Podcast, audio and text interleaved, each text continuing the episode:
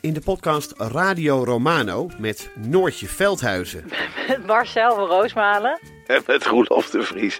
brengen we alle drie elke week een zogenaamde signalering mee. Wat heb jij nou weer bij je? En aan het eind bepalen we wie de winnaar van de week is. Echt een angstcultuur Lege huls die je er bent? Ja, dat gaat eigenlijk altijd onvriendelijk.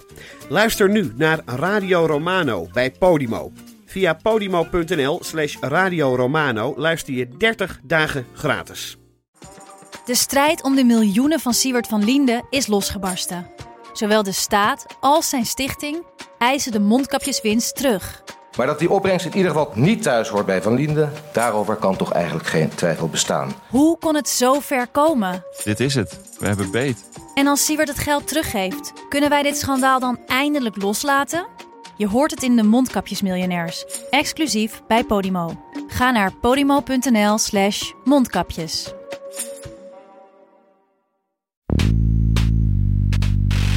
Voorzitter, het heeft geen enkele zin hier, denk ik, voor mij als eh, nieuwe staatssecretaris. om excuses te gaan aanbieden wat vorige kabinetten wel of niet gedaan hebben. Ik, ik word gewoon geconfronteerd met de gevolgen van dit arrest. Dit is Betrouwbare Bronnen met Jaap Jansen.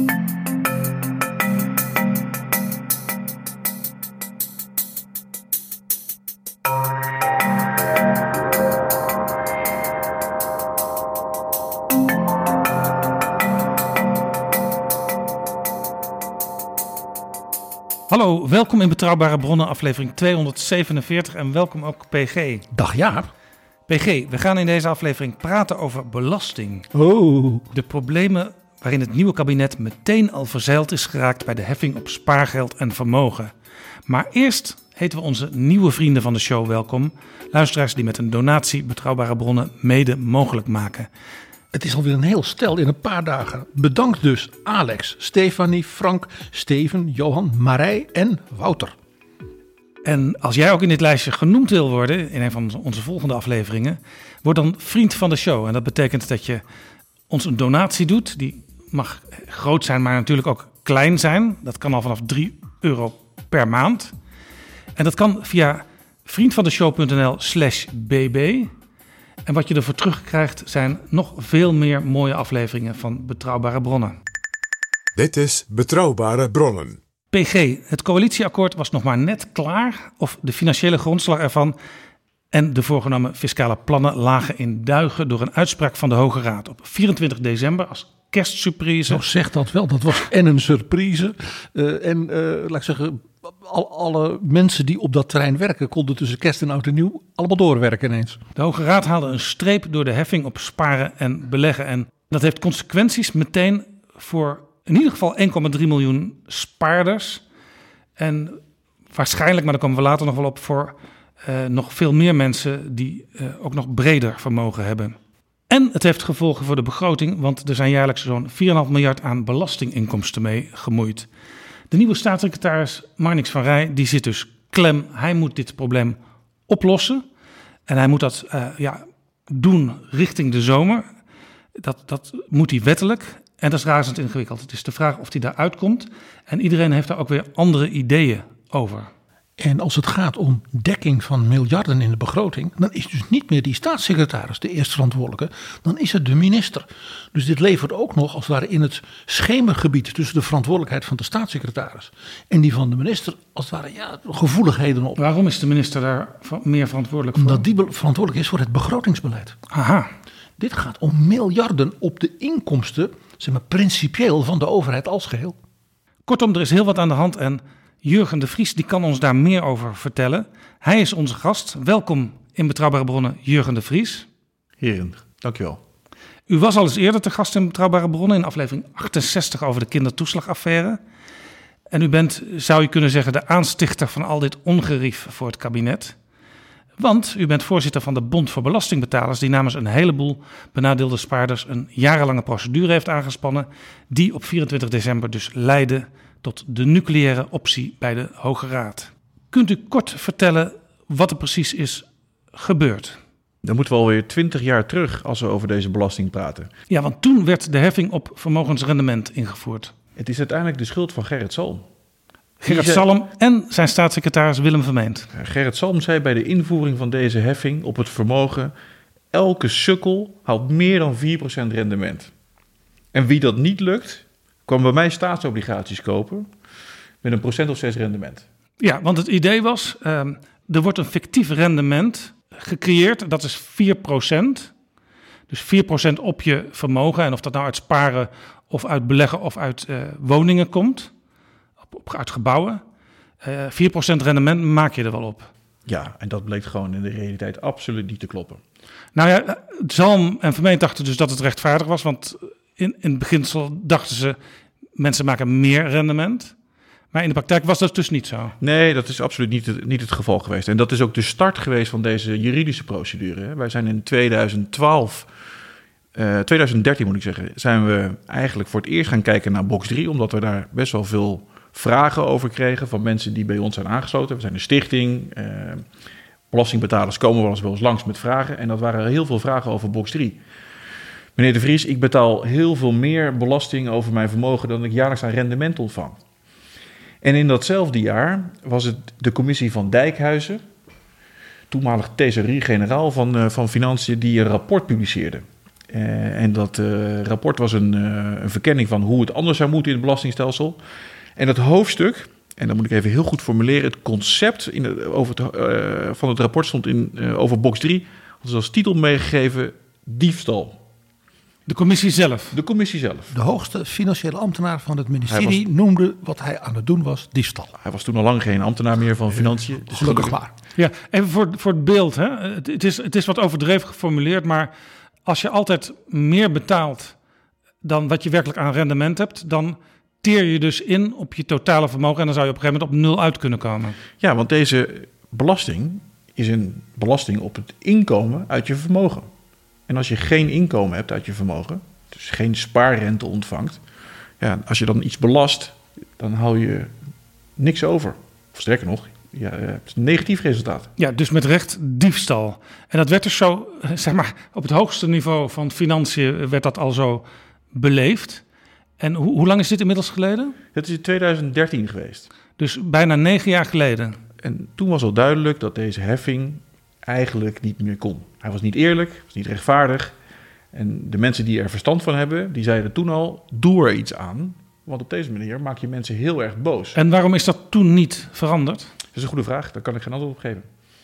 We hebben alleen dat rapport destijds aangegeven om eh, in de Tweede Kamer met mensen van Financiën van gedachten te wisselen van kunnen we deze belasting niet aanpassen. Het is toch heel oneerlijk. Het is een relatief klein bedrag op de begroting. Je noemde net 4,5 miljard. Op een totale begroting van meer dan 300 miljard is het een, is het klein bier, zou je bijna zeggen. Je zou het toch vrij eenv- eenvoudig kunnen aanpassen. Ja, nou is het zo dat eh, als je uitgaat van een fictief rendement, dan is dat natuurlijk voor de Belastingdienst, zou je zeggen, heel eenvoudig, want dat, dat kun je dan gewoon heffen. Maar in heel veel landen eh, wordt toch op basis van echt rendement, op basis van reëel rendement geheven. Jazeker, dat is ook, er zijn ook heel veel varianten mogelijk om het op te, op te lossen. Want als je het op basis van, van reëel rendement doet, dan kunnen mensen daar ook niet over klagen. Ja, dan kun je altijd klagen over wat er dan daar weer procentueel over geheven wordt. Maar dan is het wel op basis van eh, de echte rendementstoename. Dit, dat is een, eh, ook was onze gedachte. Er zijn heel veel mensen, heel veel slimme mensen in Nederland die allerlei ideeën hebben om deze belasting aan te passen. Dat zie je ook nu weer, na aanleiding van het arrest van de Hoge Raad. Maar ja, het is, eh, het is aan de wetgever om dan actie te ondernemen. En te zeggen van oké, deze belasting die deugt niet meer, die is niet eerlijk, die levert heel veel discussie op. Nou, laten we dan deze veranderen en zorgen dat we hem in lijn brengen met de realiteit. Nu heeft staatssecretaris Wiebes in kabinet Rutte 2 wel iets veranderd, maar hij heeft niet iets veranderd aan het structurele probleem. Nee, nee, en laat ik nog even een stapje teruggaan. In al die jaren hebben, heeft de Tweede Kamer wel allerlei moties aangenomen. Moties aangenomen om de regering te bewegen, te verzoeken om met deze eh, belastingwet aan de slag te gaan en daar iets, een alternatief voor te presenteren. Maar helaas levert dat niets op. Dus eigenlijk zijn wij als Bond voor Belastingbetalers uit pure armoede eh, zijn we naar de rechter gestapt. U heeft dus eigenlijk in die tijd al door gedacht. Er komt nu zeg maar, bij het volgende debat hierover een belangrijke motie van de Tweede Kamer. Die gaat het misschien wel halen en dan komt het wel goed. En dat gebeurde dus al door niet. Er zijn moties aangenomen in die jaren, die zijn unaniem aangenomen. Unaniem? Unaniem, 150 tegen 0. Dat betekent dat links en rechts in de Tweede Kamer van mening zijn, toen al van mening waren, dat deze belasting gewoon niet klopt. Dus u wist eigenlijk, als ik naar de rechter stap, dan is de kans dat de rechter ons gelijk geeft heel groot. Nee, dat. Want zelfs de hele politiek die vindt eigenlijk dat het op deze manier niet kan. Nee, het, is een, als je teruggaat naar het begin van deze procedure, uh, dat is in 2014 zijn we hem uh, gestart, hebben we mensen opgeroepen om bezwaar te maken. Toen hebben we ook tegen iedereen gezegd, als je kijkt naar de historie van rechtelijke uitspraken op dit terrein, dan zie je dat je als belastingbetaler bijna altijd aan het kortste eind trekt. Heeft dat te maken met wat ook in de kindertoeslagaffaire aan de orde was, dat hoge rechters toch vaak heel erg meedenken met uh, de wetgever en niet snel klagende burgers gelijk geven? Nou, dat durf ik niet te zeggen. In, in, in algemene zin is het wel zo dat de, dat de wetgever gewoon een hele ruime, zoals het zo mooi heet, beoordelingsruimte toekomt als het gaat over belastingwetgeving. En dat is ook heel terecht. Je kunt als rechter niet zomaar op de stoel van de politiek gaan zitten. Dat moet je volgens mij ten alle tijde zien te voorkomen. En dat kan de politiek dus ook voorkomen door heldere wetten te maken. Zeker. En als je dan uh, al een aantal keren door je eigen Tweede en ook door de Eerste Kamer wordt opgeroepen om dit op te pakken, om daar iets mee te doen, en je doet het niet, ja, dan krijg je op een gegeven moment, en dat is ook mijn, onze gedachte geweest, dan krijg je wel een keer een tik op de vingers. En dat is ook gebeurd? Nou ja, er zit tussen de start van deze procedure in 2014 en de uitspraak van de Hoge Raad in... Vlak voor de kerst? Vlak voor de kerst. Er zitten wel een aantal jaren tussen. Dus het gaat niet vanzelf. Maar, Hoeveel... Dat, maar u, begrijp ik het goed? U heeft niet alleen maar toen in 2013, 2014 iets gedaan... Maar dat kwam natuurlijk elk jaar weer terug, want dan kwam er weer een nieuwe rond, nieuw rondje, box 3 bij al die spaarders langs. De procedure die we hebben gevoerd, hebben we getracht om daar zoveel mogelijk mensen voor te mobiliseren. Want op die manier laat je in ieder geval zien dat het menens is. Dat je niet een, een eenling bent die klaagt over deze belasting. In dit geval waren het voor de jaren 2017 en 2018, waar de Hoge Raad nu over heeft geoordeeld, uh, ging het om ongeveer uh, eh, 60.000 mensen. Ja, en in die periode, bij, bij al die bezoeken van u aan uh, rechtbanken, is ook wel vaak richting de wetgever gezegd: doe daar nu eens wat aan, want hier is veel onvrede over. en u kunt het zelf rechtzetten. Zeker, tot, tot het arrest van de Hoge Raad was bijna altijd het oordeel van de rechter wetgever, u doet het niet goed, maar u krijgt nog de kans om het te herstellen. En dat was keer op keer bij de rechtbank en bij de gerechtshoven en ook een keer eerder uitspraak van de Hoge Raad, werd aan de wetgever de ruimte geboden om zelf herstel te bieden. Dus de, de Hoge Raad zag natuurlijk die Kamermoties die dan werden aangenomen ook. Die dacht, er is toch in de politiek die die wet moet maken, het besef en misschien ook wel de bereidheid om hier dan een aantal goede stappen te zetten. En dat gebeurde dus niet.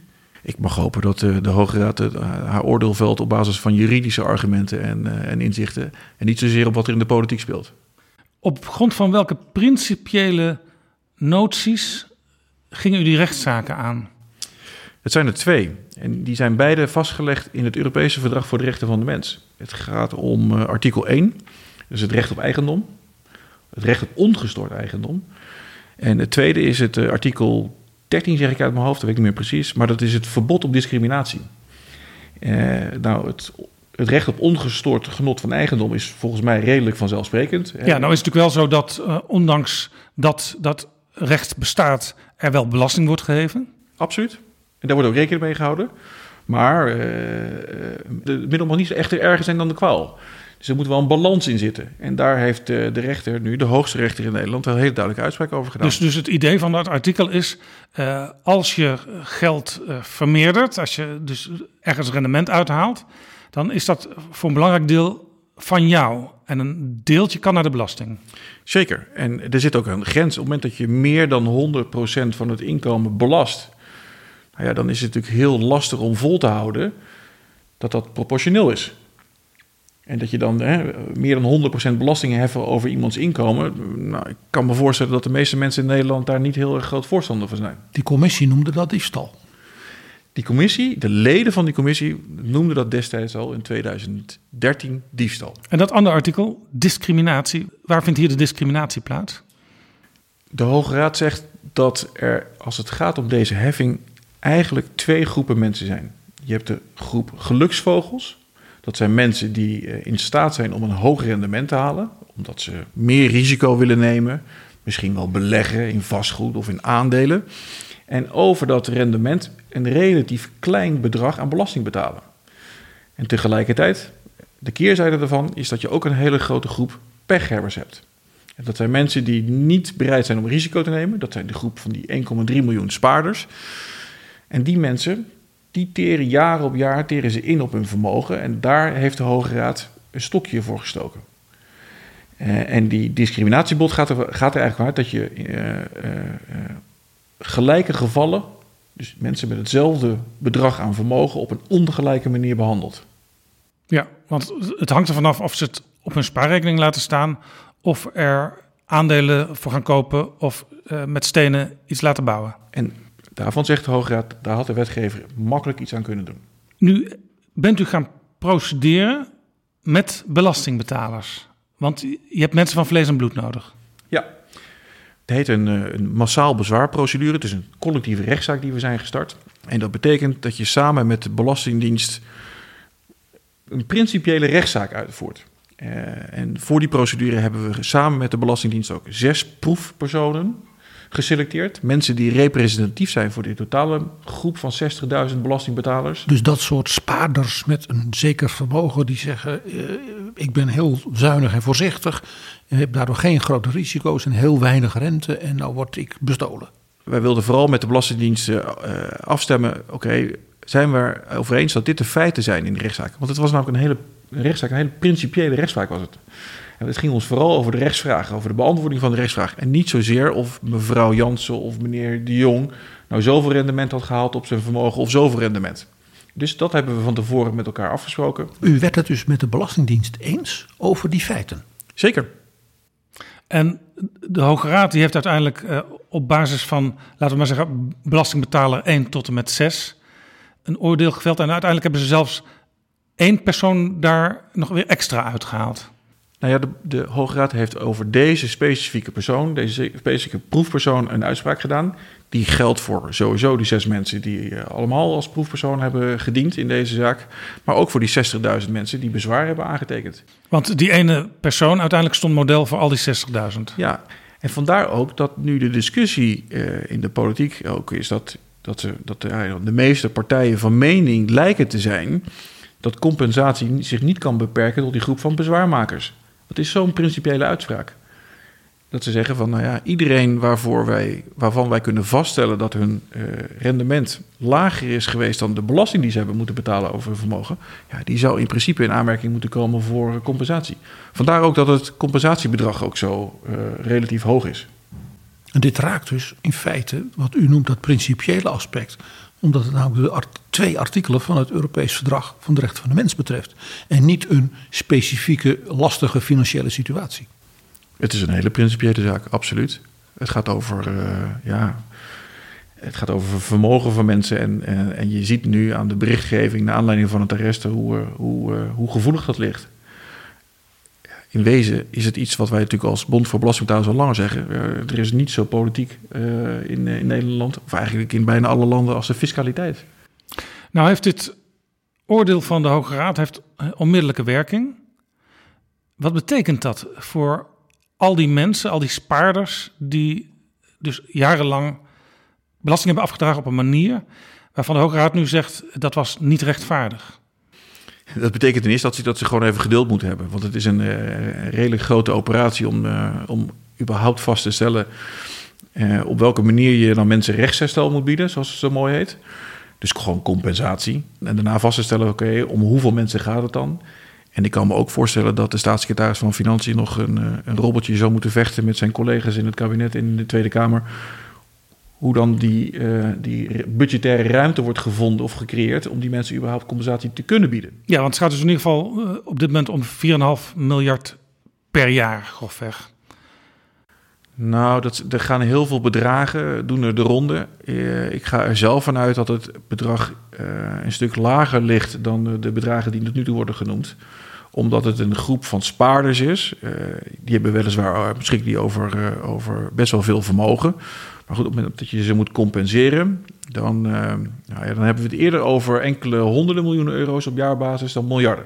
Maar er zou dus moeten worden gekeken, ja, in feite toch naar het reële rendement gedurende dat aantal jaren per persoon weer. Ja, het bedrag wordt hoog omdat het gaat over een aantal jaren. De, de staatssecretaris heeft afgelopen vrijdag eh, aangegeven dat het, het bezwaar gegrond is verklaard, zoals het zo mooi heet. Dat betekent dus dat alle klachten, alle bezwaren die zijn ingediend, ook daadwerkelijk een, een rechtsgrond hebben. Dat betekent dus dat het kabinet bij monden van Mannix van Rij nu erkent dat al die jaren die mensen dus op onjuiste grond, uh, zeg maar, dat, dat geld is uh, ja, afgepakt.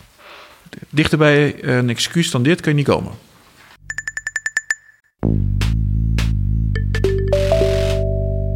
Dit is Betrouwbare Bronnen, een podcast met betrouwbare bronnen. En onze gast is Jurgen de Vries, voorzitter van de Bond voor Belastingbetalers. U vertelde dat u dus bijna al negen jaar bezig bent met deze kwestie. Dat de politiek zich ook al heel lang bewust was van eh, de onrechtvaardigheid van deze manier van belasting heffen over uh, spaarvermogens.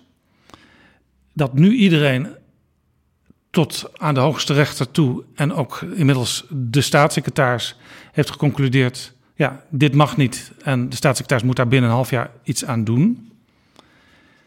Nou hebben we een belastingdienst waarvan de laatste jaren keer op keer is komen vast te staan dat ze heel veel mag en heel veel wil en heel veel moet, eh, maar heel veel uh, doodsimpel niet kan.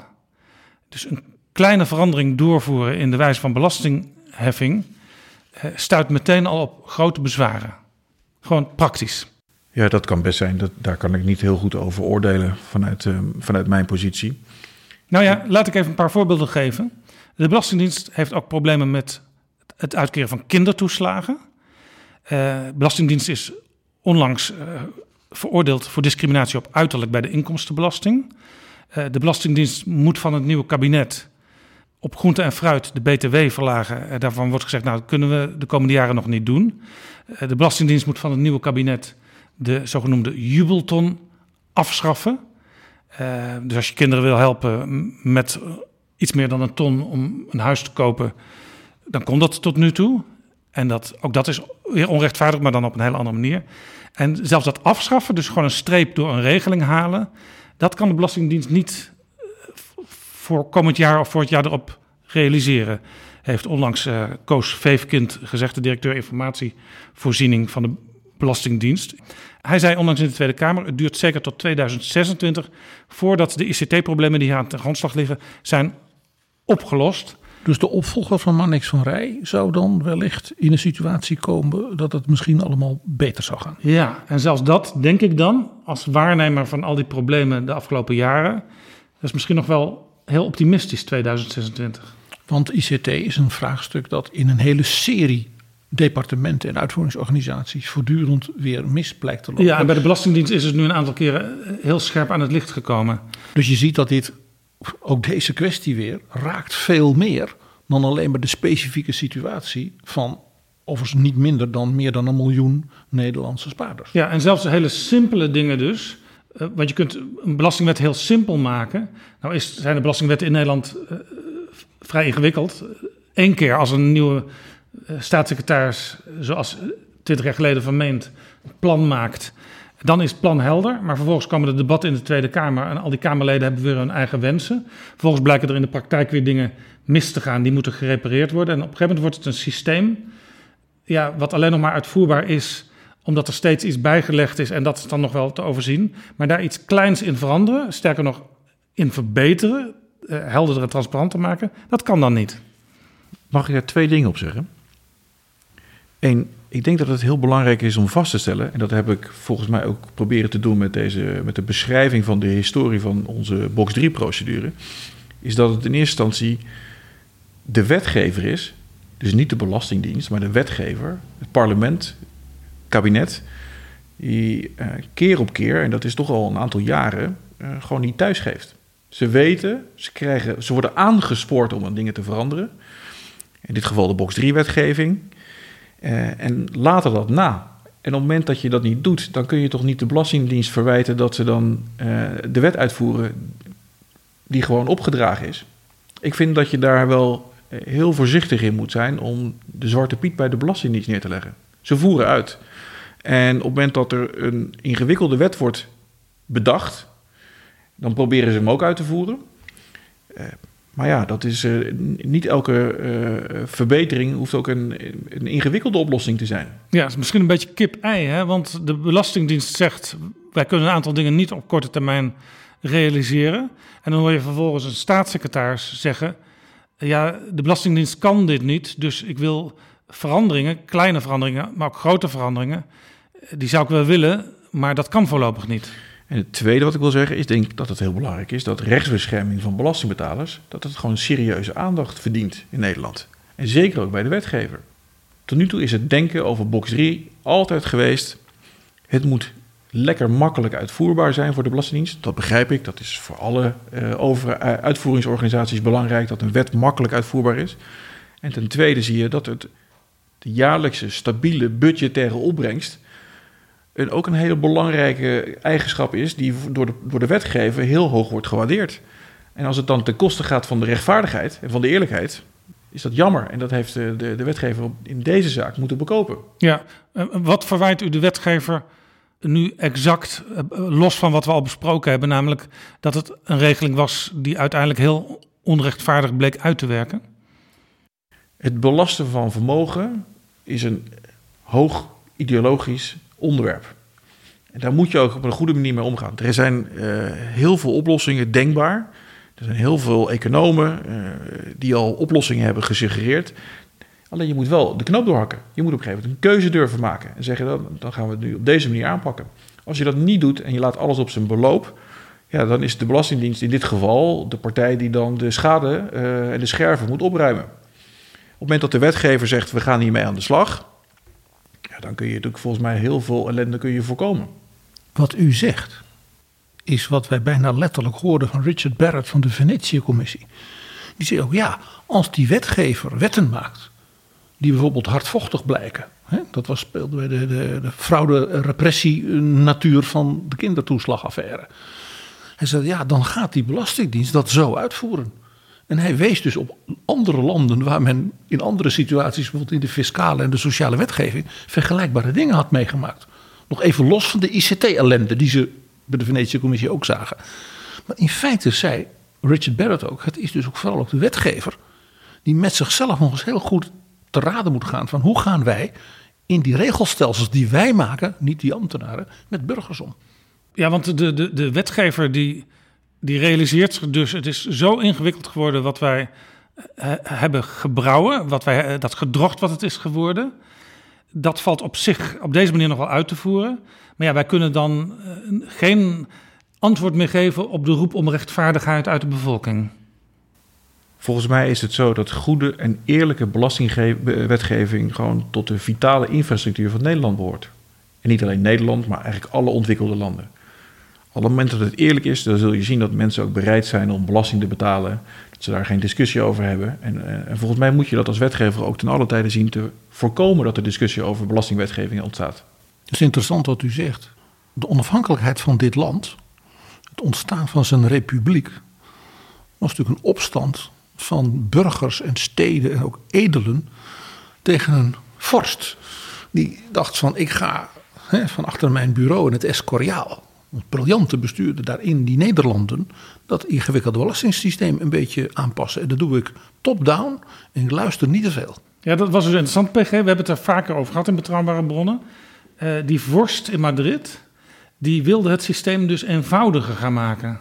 En daarmee voor zichzelf ook makkelijker uitvoerbaar. Het is, het is, het is, het is heel. Maar heel... de burgers waren tegen, althans een, een, een, een deel men... van de burgers, omdat die daar voordeel bij hadden dat het toch wat ingewikkeld was. En omdat men oude rechten, zoals men dat noemde, die men begreep ter plekke, ja, op de markt in Gouda en bij de stadspoort van Doetinchem, dat men die dus kwijtraakte. En er dan dus een oekase uit het Escoriaal kwam.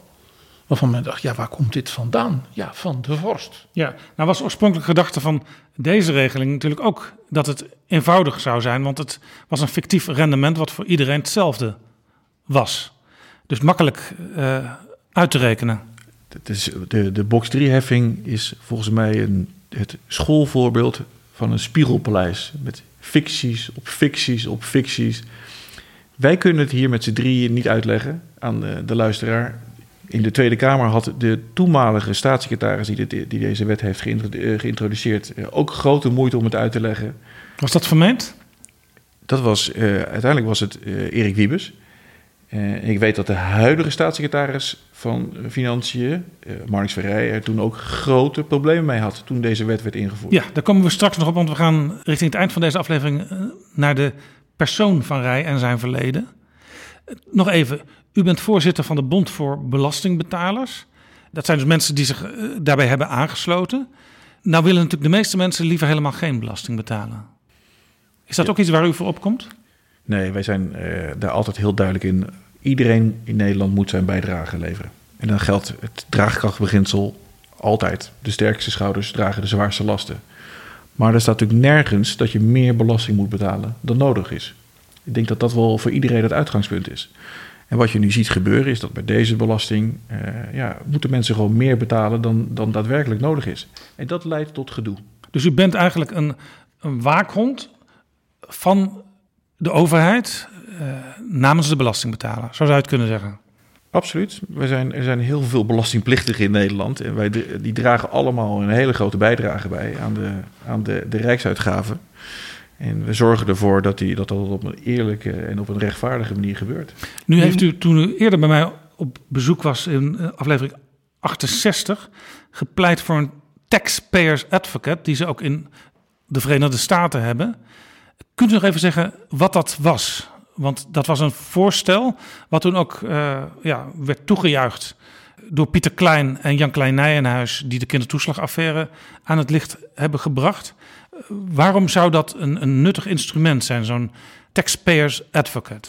En wat is dat? Ik ga dat zo uitleggen, maar ik denk dat het ook belangrijk is om te vermelden dat het kabinet of de huidige coalitie dat ook ziet. Het is opgenomen in het coalitieakkoord van, eh, van 15 december 2021 dat er een taxpayer advocate-achtige organisatie moet komen. Dat was dus negen dagen voor de uitspraak van de Hoge Raad. Het was een hele mooie maand. Laten we het daar maar op houden.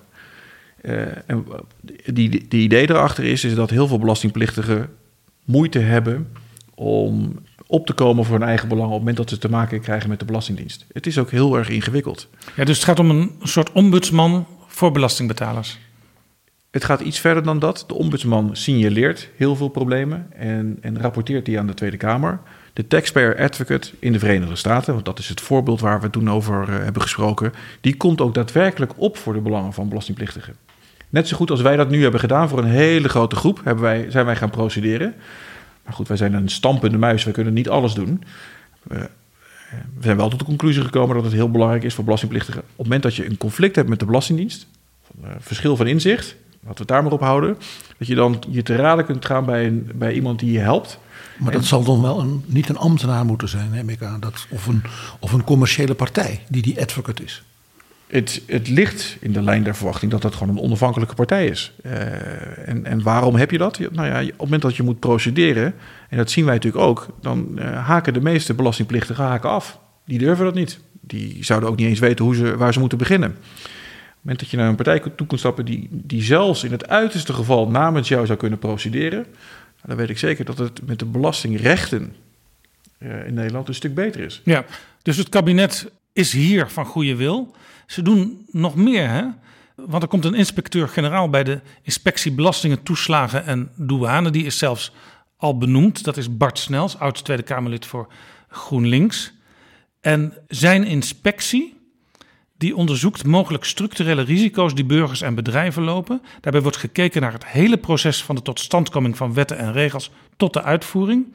Het doel is om de kwaliteit van de dienstverlening te waarborgen en het herwinnen van vertrouwen van burgers en medewerkers. Dat, dat komt dus ook alweer een beetje in de buurt van wat u ook graag wil. Ook, ook hier denk ik dat de inspectie een hele belangrijke signaleringsfunctie heeft.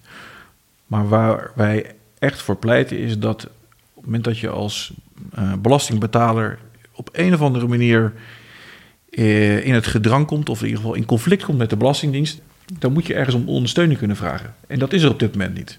Uh, er zijn niet heel veel mensen die verstand hebben van de fiscaliteit. Het is echt heel erg ingewikkeld. Uh, en op het moment dat je dan, uh, als het conflict zo groot wordt dat je dat uiteindelijk bij de rechter of aan de, rechter moet voorleggen, dan ben je eigenlijk een, een, een, een zitting dak als, als, als ja, Maar ik ben niet bang dat uw functie in feite als Bond voor Belastingbetalers overbodig wordt dan? Oh, dat is helemaal niet erg. Maar eigenlijk zegt u dus dat zo'n taxpayers advocate, en daar verschilt hij dus in van Bart Snels en zijn inspectie, ook een soort zelfstandige rol zou kunnen vervullen als ondersteuner van belastingplichtigen.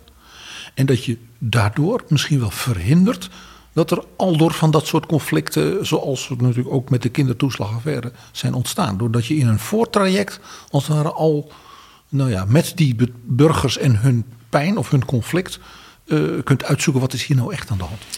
Ik, ik, denk niet dat je in staat bent om alle conflicten sowieso te voorkomen. Niet maar, alle, nee. Maar wat je wel, wel doet, en dat is volgens mij de, de les die er getrokken is naar aanleiding van de toeslagenaffaire, is dat je eerder in staat bent om, om vast te stellen: hé, hey, het betreft hier een hele grote groep mensen die onheus wordt bejegend. Hier moeten we iets aan doen. Dus die, die taxpayers advocate heeft ook als het ware een soort signalerings- en rapportagefunctie naar bijvoorbeeld de vaste commissie in de Tweede Kamer en de Eerste Kamer die over de belastingen gaat. Zeker. En het, het, maar het moet vooral een organisatie zijn waar mensen zich durven te melden. Uh, en dat is natuurlijk het, de grote uitdaging. De Belastingdienst is een hele grote organisatie. We hebben de belastingtelefoon. Iedereen kan zich daar melden. Maar op het moment dat je een probleem hebt, ja, dan sta je voor een dichte deur. Dan kunnen ze je niet verder helpen. En dat is volgens mij waar je een oplossing voor moet zien te vinden. En met zo'n taxpayers advocate en ook met hulp van zo'n inspecteur-generaal bij de inspectie belastingen, zou je dus kunnen helpen voorkomen dat uiteindelijk de rechter, in dit voorbeeld de Hoge Raad, uh, ja, de overheid uh, op zijn falie geeft. Dat, dat gebeurt trouwens vaker. Hè? Een paar jaar geleden is de zogenaamde Urgenda-zaak aan de orde geweest. En daar werd de overheid ook op het matje geroepen. Want er werd gezegd, jullie hebben in het kader van de klimaatwetgeving... hebben jullie een aantal um, besluiten genomen, maar die voeren jullie zelf niet uit. Of niet goed genoeg uit. Ja, en dan heel specifiek, ook, ook hier weer geldt, de wetgever heeft hier uh, een tik op de vingers gekregen. De klimaatwetgeving, de zogeheten agenda-arrest, heeft de Hoge Raad ook direct rechtsherstel geboden. Dus niet alleen de wetgever veroordeeld voor het schenden van uh, bepaalde artikelen in het Europese Verdrag voor de Rechten van de Mens. Dus datzelfde verdrag? Hetzelfde verdrag als ook het Box 3-arrest. Uh, maar ze hebben ook gelijk gezegd, wetgever, je moet iets doen. Je moet ingrijpen. En dat geldt nu voor box 3 ook. En in beide gevallen kun je niet anders dan concluderen dat de wetgever ja, te langzaam heeft gehandeld. En dan is het niet zozeer de overheid, want een overheid is meer dan alleen de wetgever, maar het is vooral de wetgever die te laks is geweest. Ja, er zijn partijen die noemen dat dicastocratie. Ja, kijk, in het geval van Urgenda zie je dat uh, de, de, partijen aan de rechterkant van het politieke spectrum uh, sputteren. Uh, en in het geval van de Box 3-arrest zie je dat de partijen aan de linkerkant van het politieke spectrum beginnen te sputteren. Dus dat houdt elkaar goed in evenwicht. Dat is misschien een mooi bruggetje als u het hebt over rechts en links. Want Box 3 gaat niet alleen over spaargeld, het gaat ook over beleggingen. En als je het over beleggingen hebt, wordt daar zeker de afgelopen jaren vaak fors meer rendement gemaakt dan op sparen, waar de rente uh, rondom nul hangt. En als je woningen koopt en verhuurt, dan, dan geldt hetzelfde. Daar kun je ook flink mee verdienen. Uh, dat zou je misschien ook onrechtvaardig kunnen noemen, maar dan omgekeerd. Daar zou je misschien kunnen pleiten, en dat doen een aantal partijen in de Tweede Kamer, om hoger, hogere tarieven over te heffen. Nou ja, dit dat box 3 arrest, uh, dat levert in ieder geval een, een hele nieuwe, uh, interessante politieke discussie op. Om hoe ga je om met vermogen en hoe kun je dit het beste belasten. Het is nu geen theoretische discussie meer, à la Piketty, hè? Het is nu heel, het, het is serieus. Ja, het is zelfs. Het spel is er, moet nu, er moet nu gewoon een besluit worden genomen. Dat, dat is bepaald, want anders heeft de belasting geen inkomsten. Ja. De, de heer Van Rij kan tegen dwangsommen aan gaan lopen, begreep ik in het uiterste geval. Maar ik ga ervan uit dat de heer Verrij heel goed op de hoogte is van alle uh, termijnen die daar hiervoor gelden. En dan ook tijdig een oplossing bedenkt ja. voor de mensen. En de ergste dwangsom natuurlijk voor uh, de fiscus is dat er geen inkomsten meer binnenkomen, PG. Ook dat nog. Maar het, het belasten van vermogen is een onderwerp dat zeker in de komende periode, ik vermoed dat dat heel veel aandacht gaat krijgen. Want het is ook een heel belangrijk onderwerp. En in dat specifieke geval wil ik toch even wijzen op de rol van de SP. Uh, een hele bewonderenswaardige rol. Want als je kijkt naar de parlementaire historie van dit onderwerp, box 3, heffing erop en de discussie erover is in het parlement, hebben zij toch heel vaak het voortouw genomen. Het was uh, Farshad Bashir, Arnold Merkies, Renske Leijten, die in het verleden in de Tweede Kamer de, de, het kabinet hebben opgeroepen om de box 3-heffing te herzien. En wat was hun argument? Waar keken zij specifiek naar? Zij vonden dit ook onrechtvaardig. Wat Zij vonden dit heel onrechtvaardig. En dat heeft dat, uh, denk ik, niet zozeer te maken met de mensen die over heel veel vastgoed beschikken. Maar wel met te maken met een hele grote groep mensen die uh, een letselschadeuitkering hebben uh, uitgekeerd hebben gekregen. Dat zijn mensen die de rest van hun leven ja, eigenlijk moeten leven van een vergoeding die ze hebben gekregen. En die wordt in box 3 geparkeerd. En dat is een groot bedrag dat in één keer wordt uitgekeerd. En wat dan elk jaar terugkomt bij je belastingaangifte. En waarvan mensen zeggen, daar kan ik geen risico mee nemen of mee lopen. Ik kan het niet beleggen, ik kan het niet in vastgoed stoppen, want daar moet ik van rondkomen. Ja, dat, dat, is mijn dat, inkomen. Dan kunnen ze niet even gezellig mee gaan speculeren uh, in bitcoin en zo, zal ik maar zeggen. Zeker niet. En dat, dat was dus een, een, probleem dat eigenlijk, al, dat eigenlijk los stond van waar nu uiteindelijk de Hoge Raad uitspraak over heeft gedaan. Uh, heel specifiek voorbeeld inderdaad, waar een overzichtelijk aantal mensen uh, last van heeft. Maar daar kreeg de SP toen geen gehoor voor in de Tweede Kamer. Nou, de SP heeft in zoverre, de, de, de, alle moties die ze daarover hebben ingediend, die, die, uh, die zijn heel goed ontvangen. Uh, ik weet de motie in 2015 van, uh, van Farshad Bashir wel, die, heeft, die, is met, met, die is unaniem aangenomen. En wat prachtig. Was een, wij vonden dat een, een steun in de rug voor onze oproep om die box 3-heffing te herzien. Want uiteindelijk als de wetgever of als het parlement besluit dat de box 3-heffing moet worden herzien, dan als ze morgen doen, dan is het overmorgen in principe gebeurd. Ja, maar goed, u heeft het nu over de SP. De SP is nu initiatiefnemer samen met GroenLinks en de Partij van de Arbeid en gesteund door Volt en de Partij voor de Dieren om uh, vermogen te gaan belasten in vijf tarieven. En dat loopt op van, van 1% uh, tot een half miljoen tot 5% boven de 5 miljoen. Uh, dat lijken mij enorme uh, getallen. Heeft u daar als uh, bond ook een opvatting over? Of zegt u nou dat is toch aan de politiek hoe dat uiteindelijk geregeld wordt? De oplossing van dit vraagstuk is aan de politiek. Het is een politieke keuze hoe je vermogen wilt belasten. Uh, en daar zijn allerlei ideeën over. Dat is ook mooi om te zien. Dat vond ik denk ik de winst van het debat met de staatssecretaris van Rij, zijn eerste debat in de Tweede Kamer over box 3 en over dit arrest van de Hoge Raad, is dat je een, een, een uh, ja, je zag een ideologisch blosje op de wangen van heel veel Kamerleden terugkomen. Het belasten van vermogen ja, brengt toch heel veel, uh, of maakt heel veel los.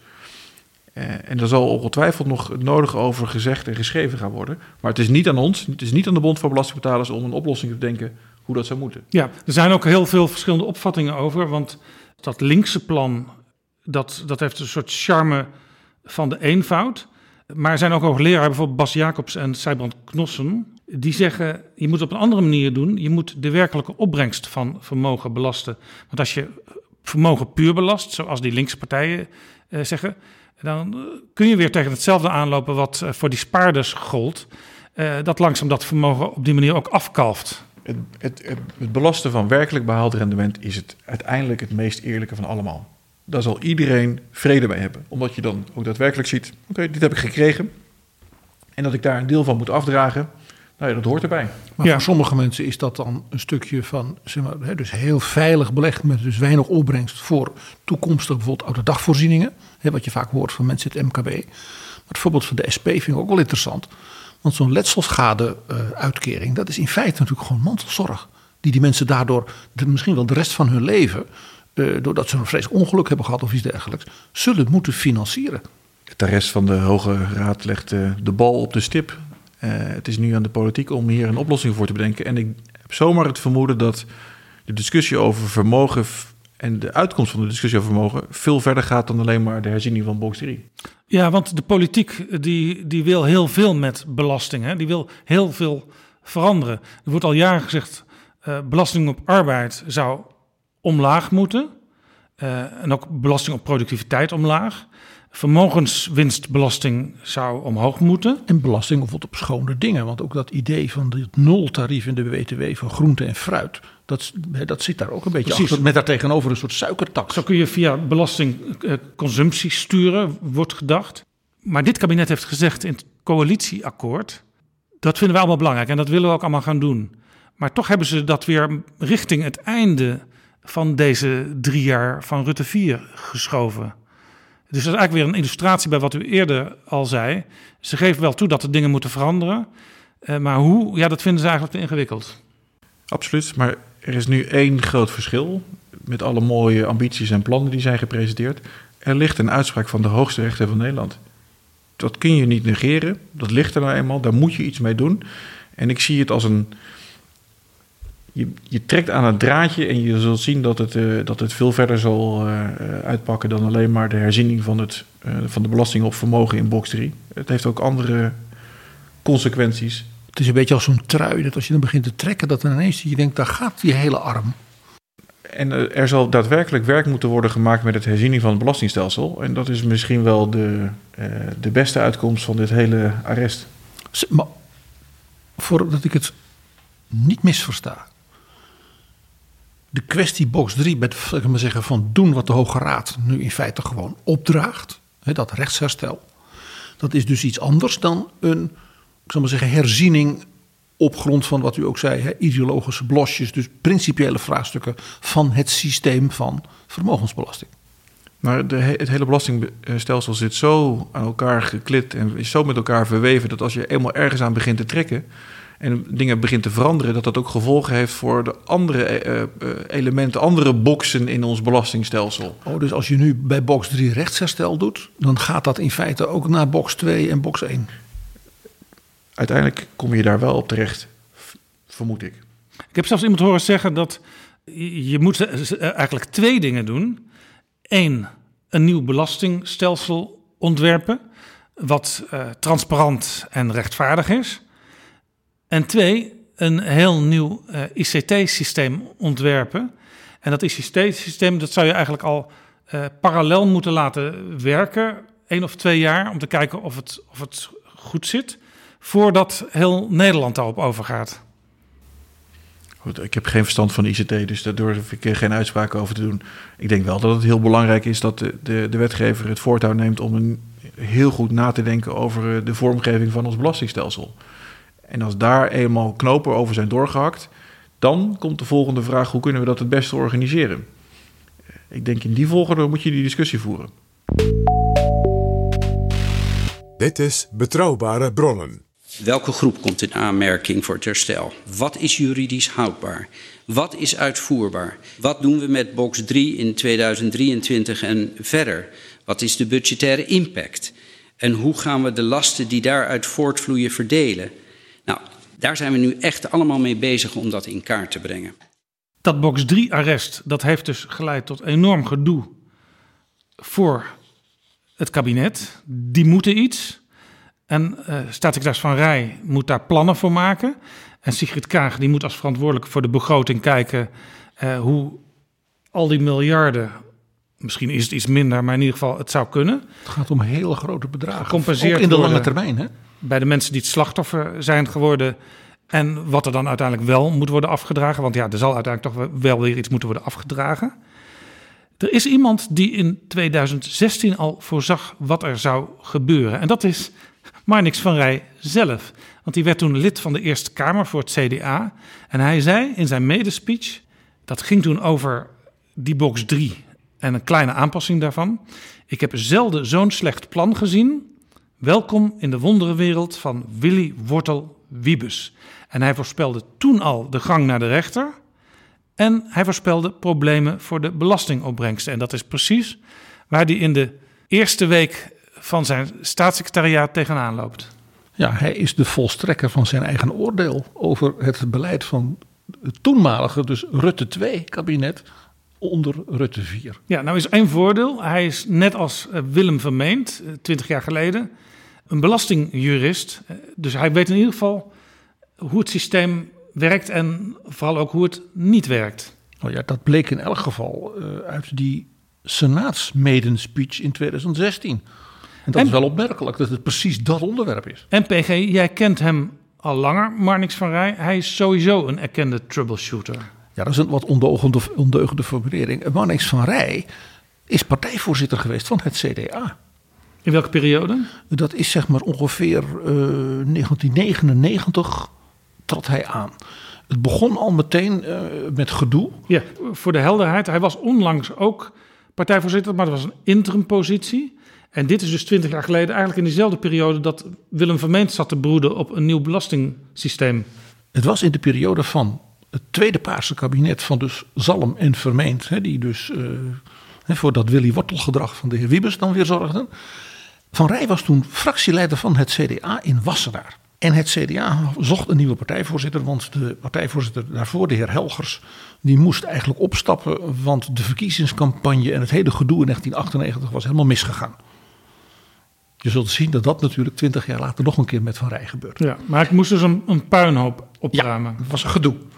En de partijleider van het CDA, dat was die de Hoop Scheffer, die was niet gecharmeerd van de kandidaat die als het ware uit het land naar voren was gekomen. Dat was de heer Pieter van Geel, later bewindspersoon. Want die stond bekend in het zuiden van het land, in Brabant, als een uh, verkiezingswinnaar. Een man die dicht bij het volk stond en daar kon je op rekenen. Ja, dat is dus niet het profiel van de partijvoorzitter die in de schaduw de juiste dingen moet doen en niet op het hoofdpodium moet springen. Precies. Uh, dus uh, de hoop Scheffer had zoiets, ja, als het argument is de partijvoorzitter moet een winnaar van verkiezingen zijn, dan is die dus mijn rivaal. Als Ja. ik niet oppas. Dus dat, dat wilde de opscheffer niet hebben. En die kon spelen op twee argumenten. Namelijk dat eh, de heer van, eh, van Geel was katholiek. En dat was de heer de hoopscheffer is hij ook. Dus er waren er delen van het land die zeiden... nou, wacht even, twee katholieken. eh, een beetje evenwicht in de partij. Ja, dus met dat argument, wat niet het echte argument was, kon de hoop Scheffer voorkomen dat Pieter van Geel toen voorzitter werd. Dus er was zelfs nog een En argument. kwamen Hij, ze- hij was te duur. Hoe kwamen ze aan Marnix van Rij? Nou, Manix van Rij was dus uit de Randstad. eh, was een protestant, was een wat moderne man met een bedrijfslevenachtergrond. En men dacht in de modernisering van het beeld van het CDA, ook naar de kiezers eh, buiten de regio, is het wel goed. Het CDA zat toen in de oppositie en zwaar in de problemen. En de Zo fractieleider iemand- Hoop Scheffer dacht, eh, dat is een goede voorzitter, daar heb ik verder qua politieke leiding geen last van. Nee, en bovendien, hij was bereid het in deeltijd te doen. Dus het, het leverde ook nog een besparing op, op het CDA, dat ook nog financieel natuurlijk klem Dus die werd het. Dus die werd het. En wat gebeurde er toen? Eh, die ging praten in het land en eh, die kreeg van allerlei mensen de suggestie van ja, die de hoop Scheffer is een beste man hoor, maar ja, die wint geen verkiezingen. Want hoe stond het CDA toen voor bij verkiezingen en in de peilingen? Slecht, slecht. Voor de tweede periode in de oppositie, tijdens Ja. Paars. Ja, men had dus eh, in de oppositie niet zich als leider van de oppositie populair kunnen maken. Men was zelfs nog verder gaan verliezen. Het CDA wist ook niet hoe oppositie te voeren, hè, want dat hadden ze nooit gedaan. En bovendien, het CDA had moeite om oppositie te voeren tegen Wim Kok als premier. En ook tegen het ja, re- eh, eh, zeg maar sober, maar toch gulle beleid van eh, die Paarse kabinetten. Dat was, ja, ik, het was een beetje de kabinetten Lubbers 4 en 5, hè, de kabinetten van Wim Kok. Dus ja, dat was lastig voor het CDA. Nou, die discussie intern, dat ging dus broeden en rommelen. En de heer Van Rij kreeg toen het idee dat hij misschien maar de partij moet Ja, gaan want hij hoorde al die kritiek uit het land. En hij dacht, ja, ik weet ook niet zo gauw een vervanger voor Jaap de Hoop Scheffer. Misschien Behalve moet ik ik me zelf. maar op, opwerpen. En hij had dus mensen die het aanmoedigden. En dat eh, eh, leidde tot ja, gedoe toen de lijst moest worden gemaakt voor de verkiezingen van voorjaar Ja, 2002. ik herinner me dat Van Rij toen op een gegeven moment ook verscheen op die lijst. Ja, dat was een heel gedoe. Eh, in mijn boek Tand destijds beschrijf ik dat, eh, ja, het is bijna opera Jaap, dat op de ochtend van 11 september 2001, de wereld wist nog van niks. Een vergadering was op het partijbureau met de hoop Scheffer en Van Rij. En daarin kwam dus voor het eerst vol op tafel, eigenlijk zou jij weg moeten als lijsttrekker, beste Jaap. En als dat niet kan, dan wil ik op plaats drie van de lijst. En daarmee dus als partijvoorzitter in feite jezelf als opvolger neerzetten. En de hoop Scheffer, ja, die, werd daar, eh, die was daar niet blij van. Hij was ook wel enigszins verrast hoe hard dat gespeeld werd. Die zag al ergens het blinken van een mes. Ja, en eh, nou, toen die vergadering was afgelopen en eh, ik zal maar zeggen, in het kantoor daarnaast zag men het eerste vliegtuig in de Twin Towers landen. Dus dat was een dramatisch moment. En terwijl de hele wereld dus met allerlei ja, ja, met chaos en onrust en, hè, En ook precies op het terrein waar Jaap de Hoop Scheffer altijd eer had ingelegd, namelijk de internationale samenwerking.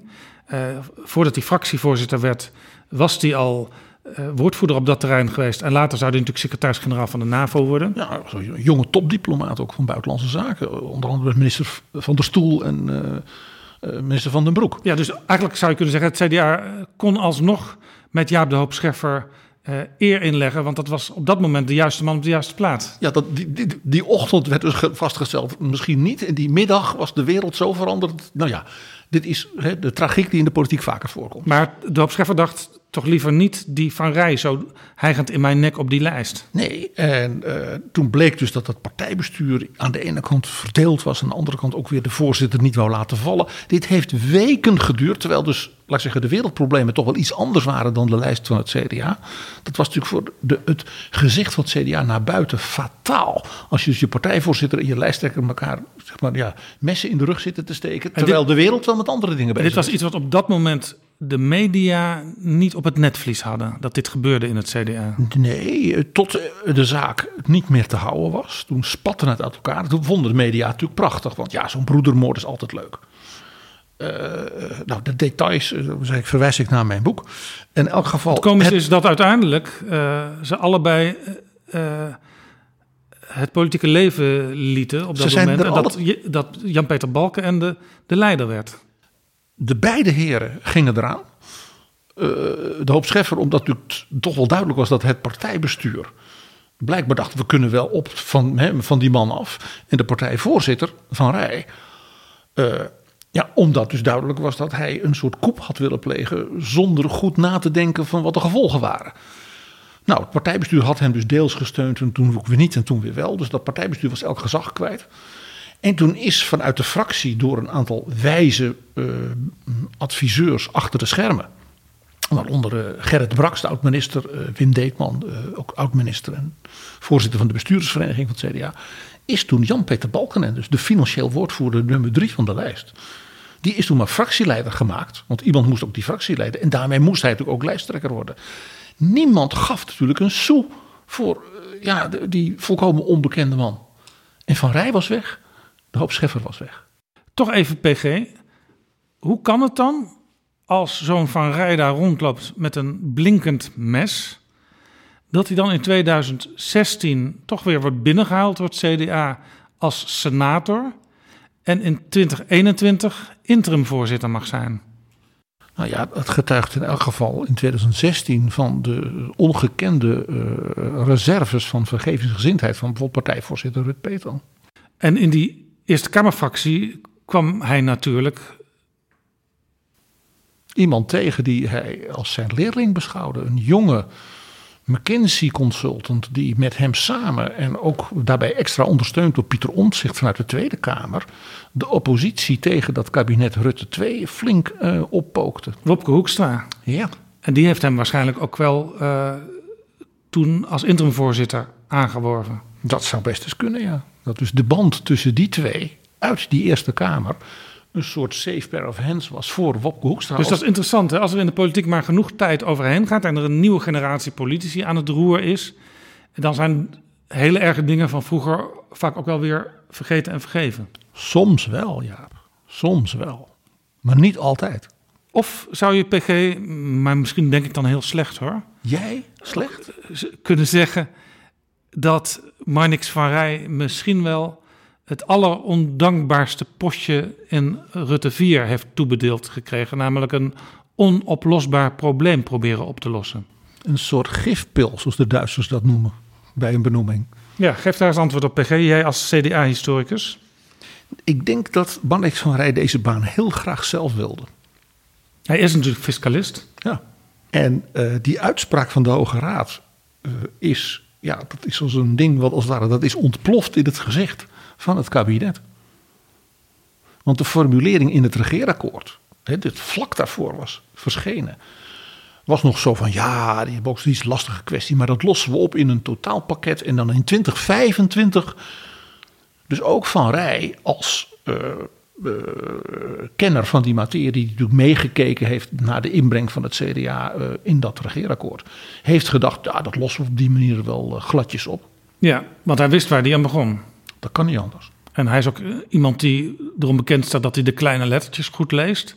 Dus dat coalitieakkoord heeft hij van voor naar achter en van achter naar voren en van onder naar boven en van boven naar onder gelezen. Meestal is het zo dat als iemand uh, beoogd bewindsvrouw of bewindsman is, dat de passages over dat terrein in zo'n coalitieakkoord natuurlijk extra goed gelezen worden.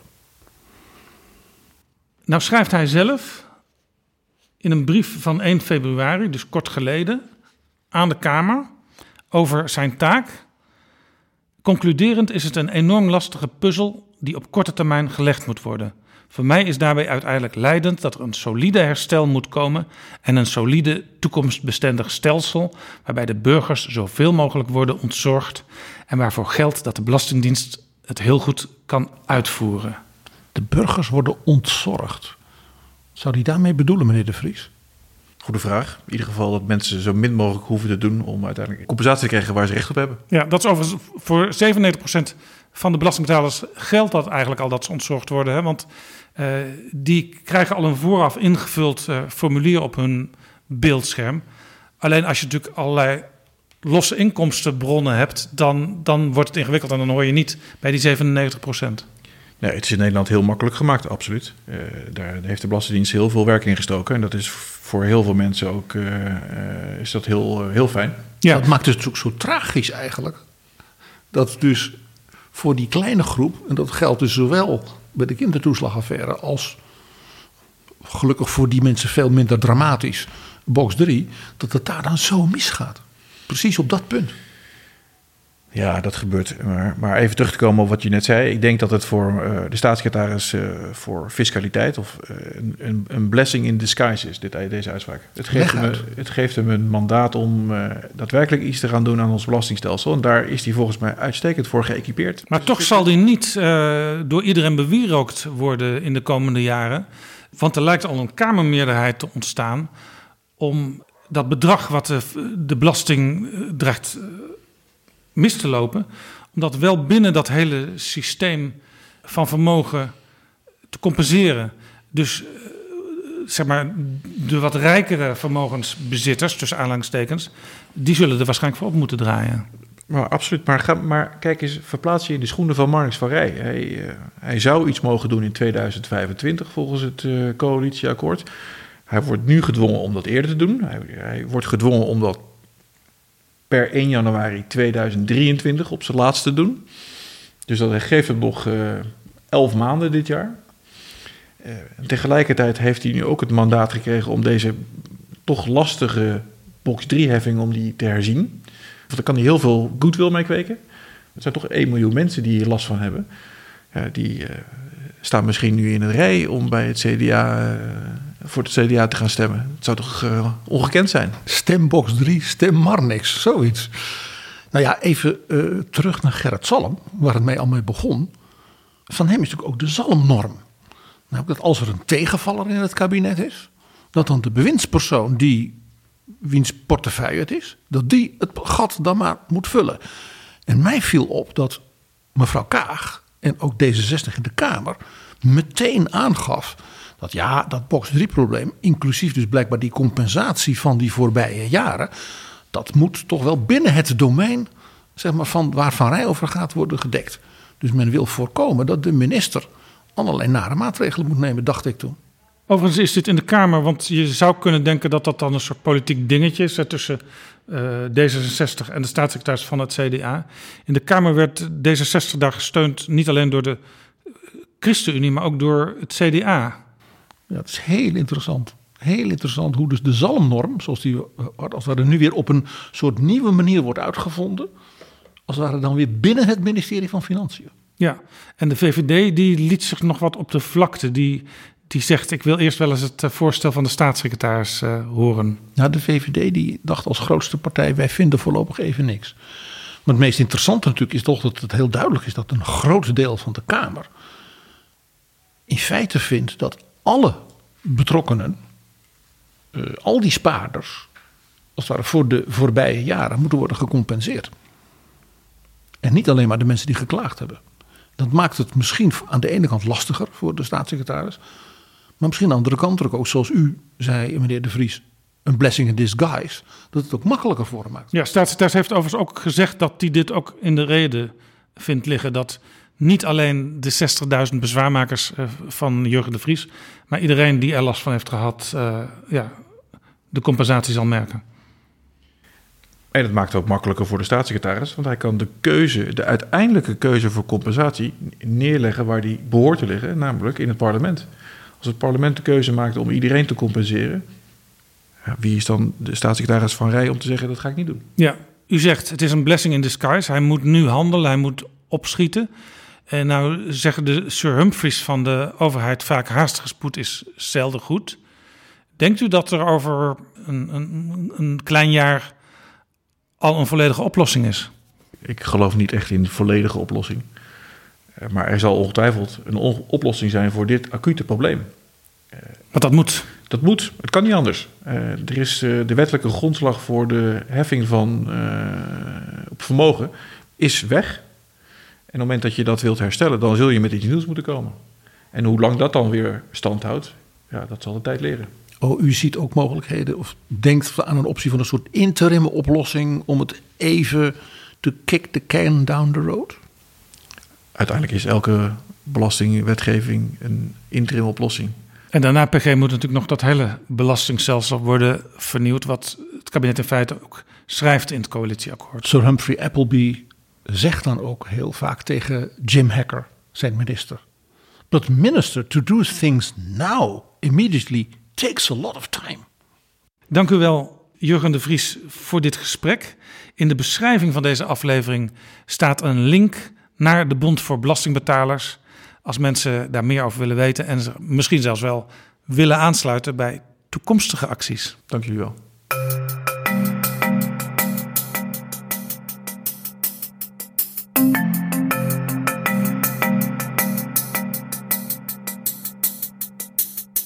PG, vorige week hadden we het over de nieuwe Europese bankbiljetten. En Christine Lagarde, de president van de Europese Centrale Bank, heeft de Europeanen gevraagd om suggesties te doen wie of wat er op die bankbiljetten zou moeten komen. En wij hebben een heleboel namen genoemd in de aflevering. En we hebben ook een oproep gedaan aan onze vrienden van de show om ook mee te denken. Nou zijn daar een aantal suggesties gedaan. Ja, er kwamen meteen allemaal duidelijk geïnspireerde reacties. Uh, als ik het even uit mijn hoofd. Uh, Adenauer kwam langs. Nou, die is al vaker hè, in betrouwbare bronnen geweest. Karel de Grote werd genoemd. Ja, heel bijzonder. En Erasmus. En er was ook kritiek, want Kuifje hadden wij genoemd. Om die ook op de biljetten te zetten.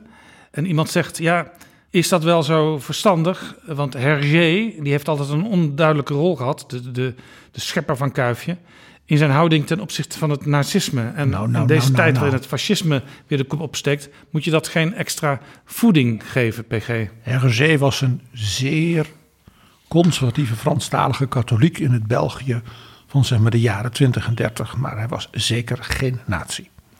Er is ook een, uh, een ingesproken bericht binnengekomen en dat vind ik eigenlijk nog wel de leukste berichten. Dat kan via vriend van de show. Daar kun je je berichtje inspreken. En dan kun je ook vertellen wat je inspiratie en je motivatie is. En Kerst Troost, die zegt dit. Ik nomineer graag Florence Nightingale.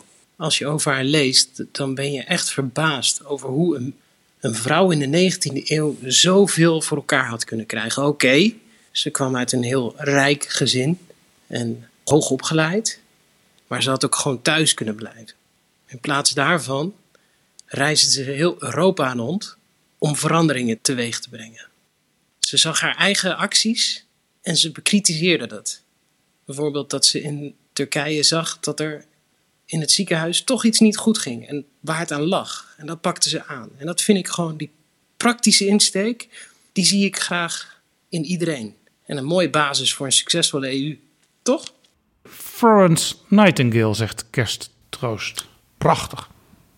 Want er is natuurlijk een directe band tussen Florence Nightingale en Vladimir Poetin. Oh ja? Tsaar Nicolaas I. Zij, Florence Nightingale, was the lady with the lamp. Die dus de, uh, de verpleging probeerde te moderniseren en vooral ook te vermenselijken van de vele, vele gewonden in de Krimoorlog. Die dus vaststelde hoe verschrikkelijk ja, uh, gewonden ja, tot dan toe uh, ja, nou ja, die ging allemaal maar dood. En, uh, zij werd daardoor geïnspireerd. Ja, en zij ging dat dus beter organiseren. Dus ook een modernere vorm van ja, uh, het, het, het, verzorgen van, van, van, van, van soldaten die gewond waren. En die Krimoorlog was natuurlijk van de Fransen en de Engelsen. Daarom kwam zij daar tegen de tsaar van Rusland ter ondersteuning van de sultan in Istanbul. Dankjewel voor deze suggestie, Kerstroost. Er komen nog meer suggesties binnen. En ik wil ook vooral ook de luisteraars oproepen en de vrienden van de show. Uh, om nog meer suggesties te doen. En vooral ook zoals Kerst deed, echt een beetje onderbouwen. En liefst ook in te spreken. En dan laten we die in de komende afleveringen horen. Hoe meer inspiratie, hoe beter voor Christine Lagarde. Dit was Betrouwbare Bronnen, aflevering 247. Deze aflevering is mede mogelijk gemaakt door de vrienden van de show. En wil jij ook vriend worden? Dat kan via vriendvandeshow.nl slash bb. Tot volgende keer. Betrouwbare bronnen wordt gemaakt door Jaap Jansen in samenwerking met dag en nacht.nl.